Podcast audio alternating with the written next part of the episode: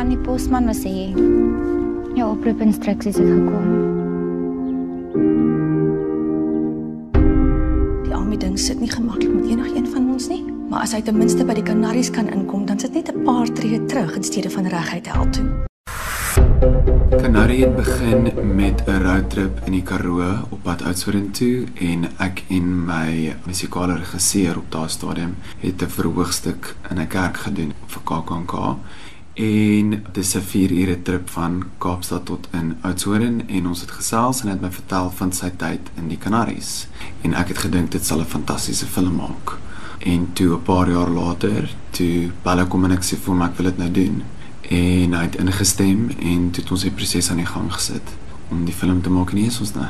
Ek wil begin met die storie van die grens. Jy weet baie van ons luisteraars was self op die grens, het self ervarings gehad. So hoe het dit te werk gegaan om daardie autentieke gevoel in die film in te werk? baie navorsing.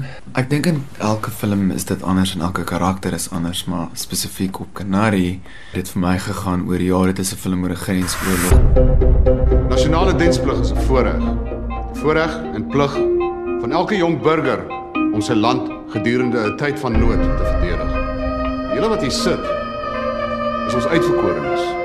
Die Kanaries van 1985. 'n Kanarie, Johan, niemand ek hoor. Vir die volgende 2 jaar gaan ons saam werk, woon, eet, sweet, ontspan en dan bid. Want dit is jou voorreg en jou plig. Ek dink enigiemand kan relate daarmee wanneer dit gaan oor daai waterskeiding, daai Rubicon oomblik wat jy moet oorsteek, daai oorlog wat jy met jouself voer. Oor selfaanvaarding en daai aanvaarding by jouself te kry, nie noodwendig dit van ergens buite jouself probeer vind nie. Want dan gaan jy net teleurstelling, hartseer en pyn en trauma kry. So Canary betref was dit vir my spesifiek daaroor en ek dink ek relate baie. Ek weet nie of film 'n beter medium is of vir jy miskien omdat jy nader is, maar ek vind enige storie het 'n mate van truth to it. Jy vertel 'n storie waar mense eintlik hierdie mans op die grens se pyn aanskou. Hoe werk jy met die akteurs om hulle in daardie ruimte te plaas wat hulle dit kan uitbring op skerm? Ek dink dit is maar goeie goeie toneelspel en dit is mense wat eerlik is oor hulle emosies en aksies het tot hulle eie emosies en ek dink as 'n akteur vind jy raakpunte in jou eie lewe of ervarings wat jy gehad het en party akteurs roep dit op, party leef hulle self so in. Ek dink dit het grootliks te doen met 'n ongelooflike verbeelding hê, maar ook 'n emosionele verbeelding hê. En dit vat baie uit hulle uit want jy beleef dit. Ek het een keer het ek 'n studie gelees dat byvoorbeeld wat 'n akteur ervaar in 'n aand op die verhoog is die hoeveelheid adrenalien wat deur hulle lyf gaan en hormone is die ekwivalent van iemand wat deur 3 kar ongelukke is.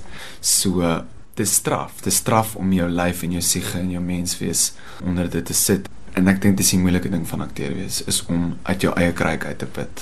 Want dit is wat jy het, jy het jou liggaam met jou stem en dan het jy jou eie ervarings. En as jy eerlik is met jouself en oor wie jy is en hoe jy sou reageer binne 'n sekere gegewe en jy met 'n ongelooflike ryk verbeelding hê. En dan moet ek ook krediet gee aan Charles Johan wat 'n kanarie was en wie se ervarings gebruik is. Dit is sy storie.